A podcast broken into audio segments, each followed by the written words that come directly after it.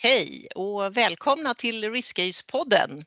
I den här podden så vill vi lyfta fram nyttan med att lägga tid på riskhantering och hur riskhantering, förutom att det är nödvändigt, också ska vara enkelt och roligt säger vi här på RiskAse. Eh, i podden så riktar vi oss till alla som kommer i kontakt med riskhantering oavsett om din organisation kanske precis har börjat jobba inom det här området eller om du har jobbat med det under en ganska lång tid och bara vill ha lite nya idéer, ny inspiration. Riskhantering gäller ju i, i alla branscher så vi fokuserar mer på sakområdet i sig eh, än de olika branscherna eftersom vi tycker att frågeställningarna är ganska likvärdiga och sen nischar vi in oss på olika riskområden eller delar av riskarbetet. Och ibland, precis som idag, så bjuder vi in gäster som vi tycker är framstående inom olika riskområden.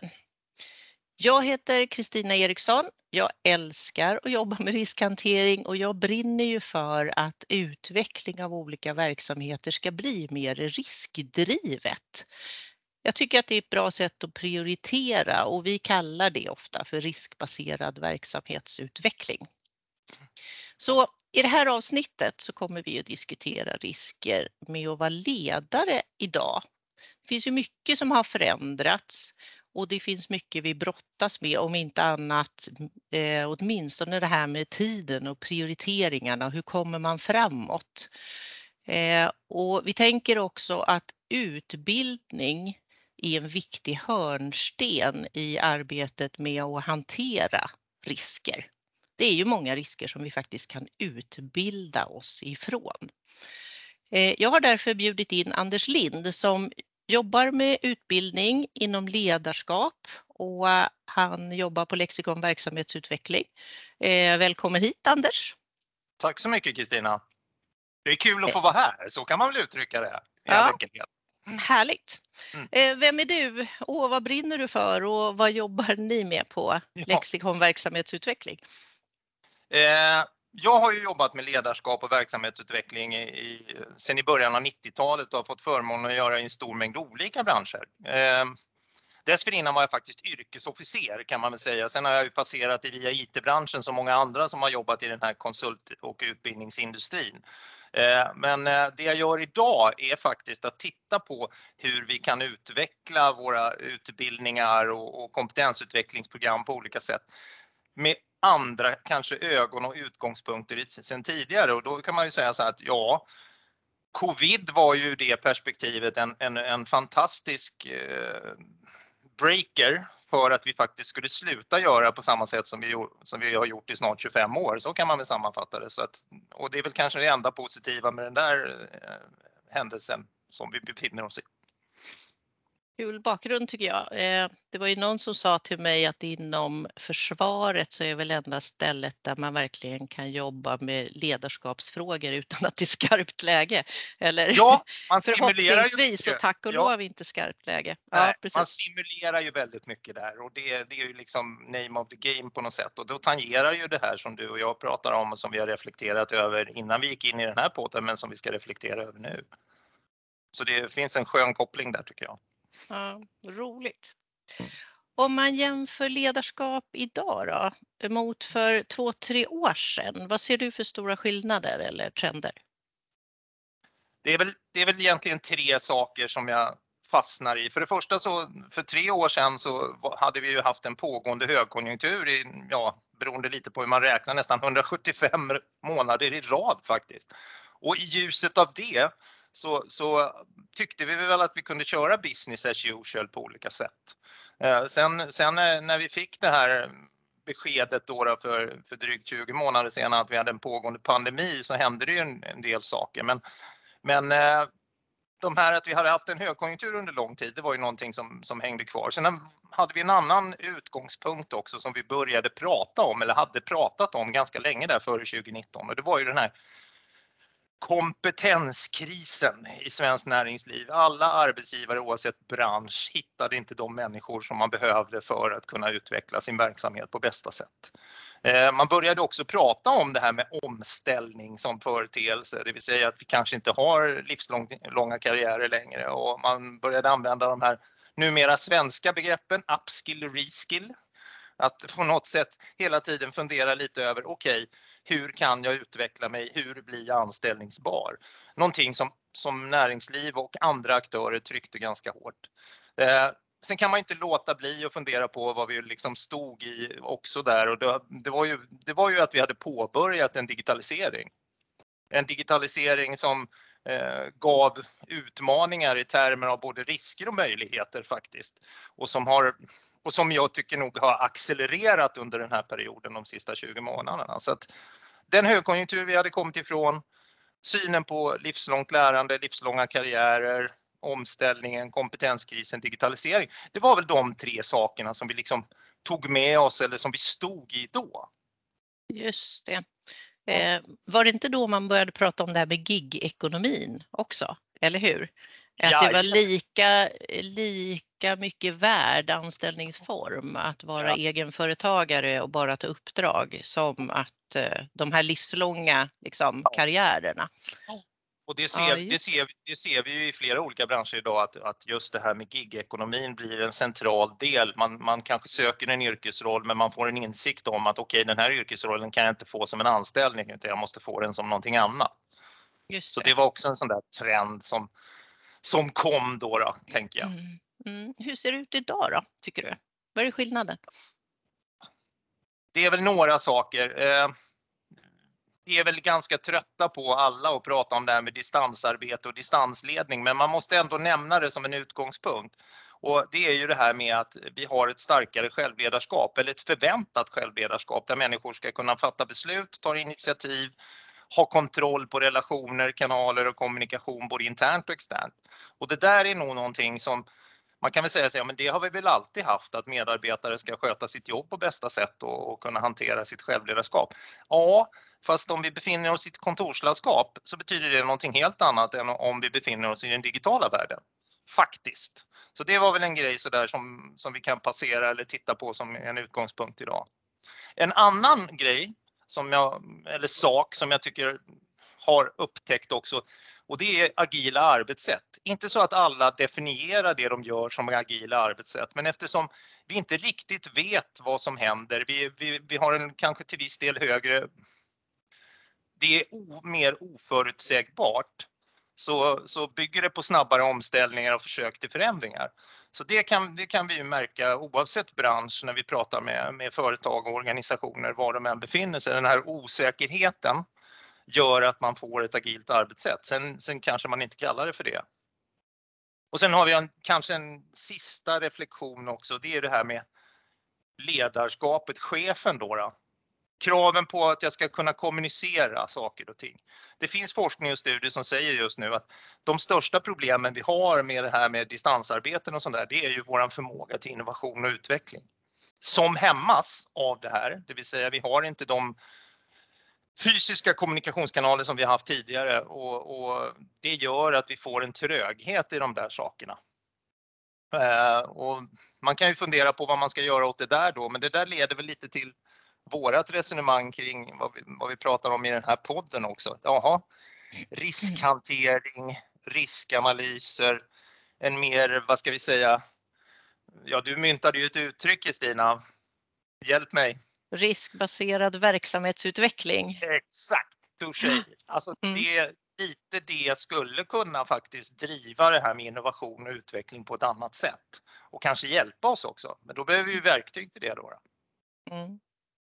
Ja, risk, alltså, jag får blandade reaktioner när jag driver riskbaserad verksamhetsutveckling så det är nog mm. viktigt att bundla begreppet med att man försöker liksom inte stoppa alla bra idéer utan, utan vända det till och tänka just på vad är det som hindrar oss från att nå mm. det vi vill.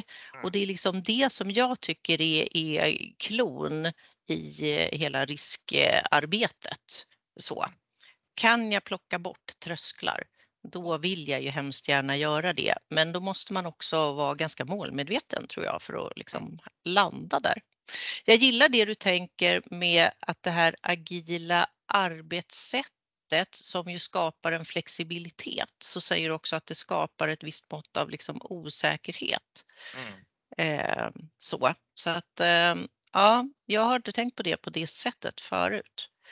Men, en replik på det bara som, som en koppling till det. Det betyder ju för att minimera den osäkerheten, då måste jag ju på något sätt alltid kommunicera vision och övergripande målbild. Jag måste återkomma till den hela tiden också. Eh, för att minimera den. Och så finns det ju andra utgångspunkter också, det vi pratar om här, det vill säga att, att betrakta saker och ting som att, att riskanalyser, det är ju liksom inget, det, det är inte frågan om ett hinder utan det är snarare, snarare ett sätt att titta på möjligheter och framförallt plocka bort de hinder och sänka trösklar, precis som du säger Kristina. Jag är helt övertygad. Mm. Ja, jag, jag fattar, spännande. Mm. Um, på vilket sätt så påverkar de här trenderna riskerna då, eller riskerna i ledarskapet, ser du? Ja, det finns ju några saker som jag fastnar på. Liksom så här. Jag kommer ju från, en, jag är ju så gammal så jag kommer ju från en, från en verksamhet och en bransch där det finns ett gammalt meme som säger förtroende är bra, kontroll är bättre. Det får man ju nästan inte säga för att det är liksom, så här, vänta nu. Eh, men jag, jag, jag vill ta med mig det i en positivt anslag, för det handlar ju om att förebygga saker. Eh, det är ju egentligen det som, som som eh, riskhanteringen och den riskbaser, eh, riskbaserade verksamhetsutvecklingen i så fall ska bygga på.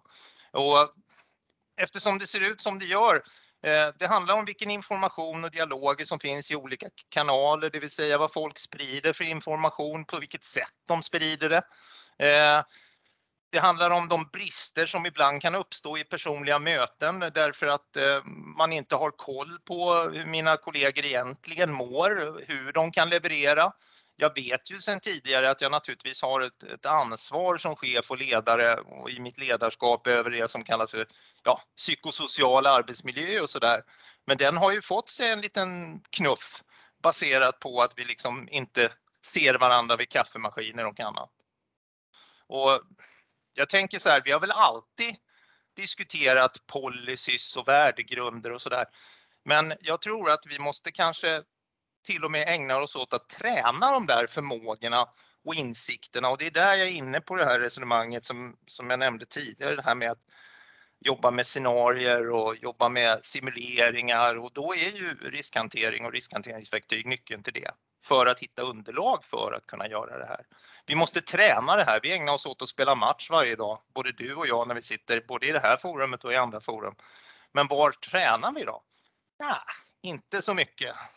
Och jag mm. menar, tittar man på, tittar man på jag, jag brukar inte gilla sådana här idrotts, vad heter det, idrottsmetaforer, men man kan ju säga så här, det är få, få framgångsrika idrottsmän som inte tränar, utan de och de ägnar sig inte bara åt att spela match varje dag eller, mm. eller gå upp i tävling varje dag, utan de ägnar sig faktiskt åt att träna de här sakerna. Så tänker jag. Men, men hur skulle en sån träning kunna gå till då, tänker du? Eh, rent praktiskt? Mm. Eh, och inom liksom vilket område? Jag har ingen riktig bild ännu. Nej, nej. Eh, jag fick förmånen för några år sedan att jobba med en rikstäckande säljorganisation som jobbar business to business. Eh, och en del av deras verksamhet var naturligtvis styrd och beroende av de regler, riktlinjer, skatteregler och annat som, som fanns i, i vårt land. Och vi sa så här, okej, okay, vad är de största riskerna som finns. Nu, nu, gjorde vi det här simulerat väldigt enkelt, men man skulle kunna ta det som ett exempel i alla fall. Vad är de största riskerna som finns i er, er verksamhet? Ja, det är förnyade politiska riktlinjer och politiska beslut. Det är vikande konjunktur. Det är tillgången på, på, på de komponenter som vi behöver för olika saker. Okej, om de här tre sakerna inträffar, vilka åtgärder vidtar ni? På vilket sätt vidtar ni det? Och vi gjorde det i workshopform tillsammans med hela den eh, rikstäckande säljorganisationen och vilken kraft det här blev. Därför att då insåg de ju själva liksom så här, okej, okay, vad har vi gjort idag för att, för att täppa igen de här hålen? Kan vi göra någonting för att förebygga? Hur kan vi minimera de här sakerna? Och då kan man ju säga så här, ja, det man kan väl tycka i de bästa världar så finns det alltid någon som säger då, ja men det där är ju bara en swap. Nej, nej, nej, nej, nej, nej, nej. Det är en fördjupad riskhantering och mm. riskanalys med förankringsprocessen och för att göra förankringsprocessen, det är då vi behöver liksom visuella verktyg för saker och ting, tänker jag. Ja, jag tror alltså du, jag, har inte du jag, något exempel ja. också Kristina? Har du inte? Ja, men jag, jag sitter och tänker på nu, jag, jag mm. var ju ansvarig för att leda en krisövning alldeles ja, nyligen på ett företag Härligt. och inom mm. det området så övar man ju väldigt, väldigt ofta. Eh, då kan det vara olika typer av kriser. Det kan vara informationssäkerhetskriser eller det kan vara eh, ja, motsvarande de här eh, attentaten som vi hade på Drottninggatan till exempel. Där fick man ju hantera i skarpt läge mm. eh, och lite så. Alltså man bygger olika scenarios, det gör man ju faktiskt. Och det är ju till och med så, man kan ju googla, hela nätet är fullt av olika typer av krisövningar, framförallt på informationssäkerhetsområdet och där, yeah. där tränar man ju skarpt. Mm. Och det som jag tycker blir intressant vad det gäller eh, verksamhetsutvecklingsspåret också, det är att man måste besluta sig för, ska vi förbereda eller planera för att vi råkar ut för en kris? Ja, det kan man göra till en viss nivå, men det är ganska dyrt att investera sig upp liksom i ett skydd. Men då kan man också istället eh, förbereda att kunna hantera krisen, mm. så att säga. Mm. Alltså man, man preppar och tränar förmågan och det är också ett sätt att skydda sig. Och det där tycker jag blir lite intressant. Men jag har nog inte riktigt tänkt att man kan simulera på samma sätt fastän man är i vanlig liksom, verksamhet och vanlig vardag. Ja, men jag tror, och, Bra och, idé. Ja, och det, där, det är det jag tror är liksom lite av framtidens ledarskap och ledarskapsutbildning. För som jag säger, tittar man på den här målgruppen, om jag nu om jag tittar mig själv i naven och tittar på liksom vad, vad är det för, för målgrupper vi når. Vi, vi jagar ju nu de här cheferna som kanske är i 30-35 års åldern. Och de går generellt sett inte ledarskapsutbildningar därför att de är liksom, de har ett lite av agilt tänk på olika sätt. Tänker inte gå in i någon generationsdebatt för att jag tror inte riktigt på det, men, men jag kan se skillnader. Och då tänker jag så här, okej, okay, vad är det jag skulle kunna ge dem som de kan ha nytta av? Jo, det här. Scenariebaserad eh, riskhantering, riskanalys, jobba med den här typen av saker som är kopplade till deras affärsmål och, mm. och deras verksamhetsutvecklingsmål. Eh, sen ska vi inte ta bort det som du vurmar för Kristina som har med, med, med informationssäkerhet och som har med riskhantering utifrån vad som kan hända i övrigt. Liksom. Men riskerna är ju på en annan nivå också och där är ju, där är ju bolag och organisationer väldigt sårbara idag eftersom man inte sitter fysiskt på plats och inte har den här täta dialogen med sina medarbetare som man har haft tidigare. Ja, jättekul. Mm. Jag har ju en annan kund som faktiskt efter ett av de tidigare poddavsnitten eller något inlägg som vi la på LinkedIn vände mm. sin budgetprocess eller de kompletterade, jag tror att de kompletterade sin verksamhetsutveckling och budgetprocess mm. och de tog med den här frågan just vad är det som hindrar oss från att nå mm. de målen som vi har satt. Mm. Det mm. tycker jag var jättekul och modigt och de kom ju på ytterligare aspekter som de inte ja. hade tänkt på innan. Ja.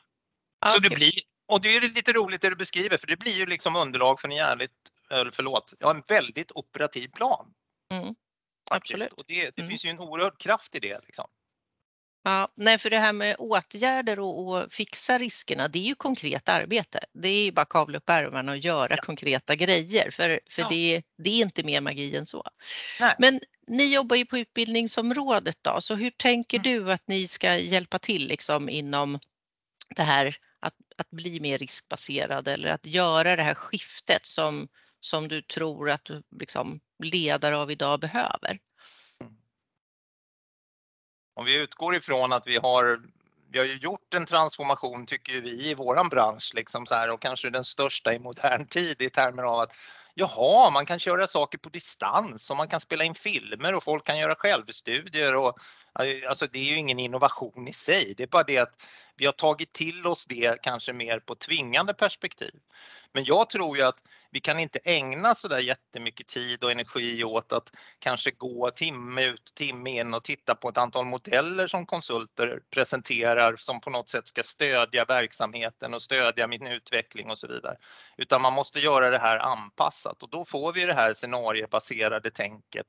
Eh, vi måste jobba med konkreta verktyg och simuleringar och det är inte utan att jag har tittat på riskcase verktyg och det kommer du väl nämna avslutningsvis Kristina, att vi faktiskt har ett samarbete i det här. Och det är ju liksom ett led i det här att göra det här tillgängligt till större grupper på en mer operativ nivå, men även på den strategiska nivån.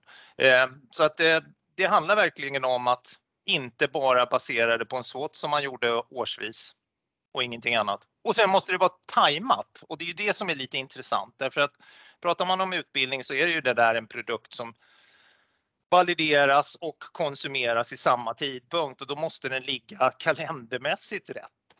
Och sen har vi ju det här med liksom, jaha, en, en utmaning som vi jobbar med allihop då som rör oss i den här industrin. Och det är att saker och ting på något sätt bör ändå vara evidensbaserat och att modeller som vi använder och verktyg som vi använder faktiskt kan ha någon form av evidensbas.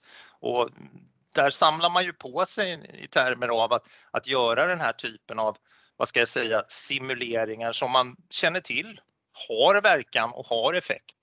Och, och till, tillåta oss som leverantörer och tillåta sig själv som, som kund att faktiskt gå in och göra de här workshopparna på olika sätt, på olika nivåer. Det tror jag är en av framgångsfaktorerna och att göra det ganska, vad ska jag säga, återkommande över tid. Inte bara göra det, ja nu gör vi det en gång per år. Nej, kvartalsvis, kort, två timmar, upp med ett scenario, testa provtryck, titta på vad, vad, vad, sitter det här i våran plan just nu? Hur kommer det att påverka? Vad kan vi göra åt det? Eh, nu såg vi ju lite vi har ju, vi har ju inte, mm, ekonomin har ju nu fått en liten törn precis nu. Vad var det, 3,5 procent upp? Och, och, jag menar, det kan man ju tycka för de flesta inte har någon betydelse, men ja, över tid så kommer ju det där påverka och då kan man ju fundera på, ja, vad betyder det just nu för oss i våran bransch, om det nu är business konsumermarknad man jobbar på, vad vet jag? Mm. Nej, absolut. Men då låter det som att inte bara, att utbildning liksom inte bara kommer vara i lära ny kompetensfolla utan kanske även mer in i införandet. Det är liksom ja. så. Lär, tror... Få hjälp att göra grejerna på riktigt. Eller? Precis, precis, precis. Ja. Och att faktiskt jobba så nära sina leverantörer så att leverantören kan facilitera det här. Du står för ett innehåll. Och det där att komma närmare i det partnerskapet tror jag kan vara en framgångsfaktor för många. Sen gäller det att hitta den leverantör kontra kund där vi känner att den relationen lirar, att det finns en trovärdighet och att det finns en trygghet i att man faciliterar ut det här. Men absolut, komma mm. närmare. Mm. Jag tycker det är helt rätt. Spännande. Eh, bra tankar tänker jag. Eh, som slutkläm, vad har du för tre tips som du skulle vilja skicka med ledarna som lyssnar vad det gäller riskhantering? Mm. Jag tror att vi under lång tid har underskattat kraften i omvärldsbevakning. Jag kan väl säga så här, det finns väl inte, vi har väl aldrig i historisk tid haft så goda möjligheter till omvärldsbevakning som vi har idag, vare sig vi vill eller inte. Alltså vi blir ju helt nersprejade av saker som händer runt omkring oss. Men att faktiskt välja ut de saker som jag tycker påverkar mig och fundera över de förändringar, trender och händelser som, som finns därför att de, de påverkar oss snabbare än vad vi tror eh, faktiskt. Och det har vi väl fått bevis på de senaste 20 månaderna hur snabbt saker och ting kan, kan hända. Det är väl en, ett tips att öka din, din medvetna omvärldsbevakning. Att eh, aktivt jobba med att bryta ner mål och visioner för dina medarbetare så att de på något sätt är flexibla och har en, känner en trygghet i snabb framdrift över saker. Eh, och där tror jag man underskattar det här med liksom att prata om vad vi har för långsiktiga mål och vad, vad vi riktar oss åt och visar goda exempel på det. Och sen sist men inte minst naturligtvis, det är ju det här med löpande riskhanteringen och riskanalyserna. Därför att har jag ett enkelt verktyg, då är det så mycket lättare att göra det istället för att man liksom, ja men det här är så komplicerat så vi kör den här checklistan, den har vi använt i tio år och det fungerar ju alldeles utmärkt. Nej, nej, nej, nej, nej. Jag tror att vi måste tänka om där, det vill säga vi måste ha någon form av interaktiva verktyg som är enkla att använda. Det är väl de tre tipsen som jag tycker man ska ta med sig. Ja, eh, roligt. Jättebra tips tycker jag. Ja, det ska ju vara enkelt och roligt säger vi. Eh, Exakt. Jag brukar också hela tiden säga bättre att man analyserar tre risker än inga alls. Eh, så man behöver inte ta det så himla liksom stor, det behöver inte vara så stora steg bara man kommer igång. Och jag tänker så här att har du en omvärldsanalys då kan du ganska lätt hitta de där tre spännande riskerna som du vill provtrycka och du kanske till och med kan plocka bort två och konstatera att ja, men de där var inte relevanta för oss. De påverkar oss inte. Ja men gud vad skönt. Mm. Behöver inte, behöver inte ligga sömnlösa för det tänker jag. Jättebra tankar. Stort tack Anders för bra och klok input och för att du eh, ville vara gäst här hos oss. Som Anders nämnde så har ju Riskcase och lexikonverksamhetsutveckling ett samarbete där vi jobbar mycket ihop för att driva de här frågorna eftersom vi brinner för dem. Eh, Båda två befinner oss på lite olika ställen i marknaden. Och vill ni höra mer så hittar ni både Anders Lind och mig och både Lexikon verksamhetsutveckling och Riskcase. Eh, framförallt på LinkedIn kan vara en bra startkanal, tänker jag. Absolut. Mm, tack för att ni har lyssnat. Hej då! Tack och hej!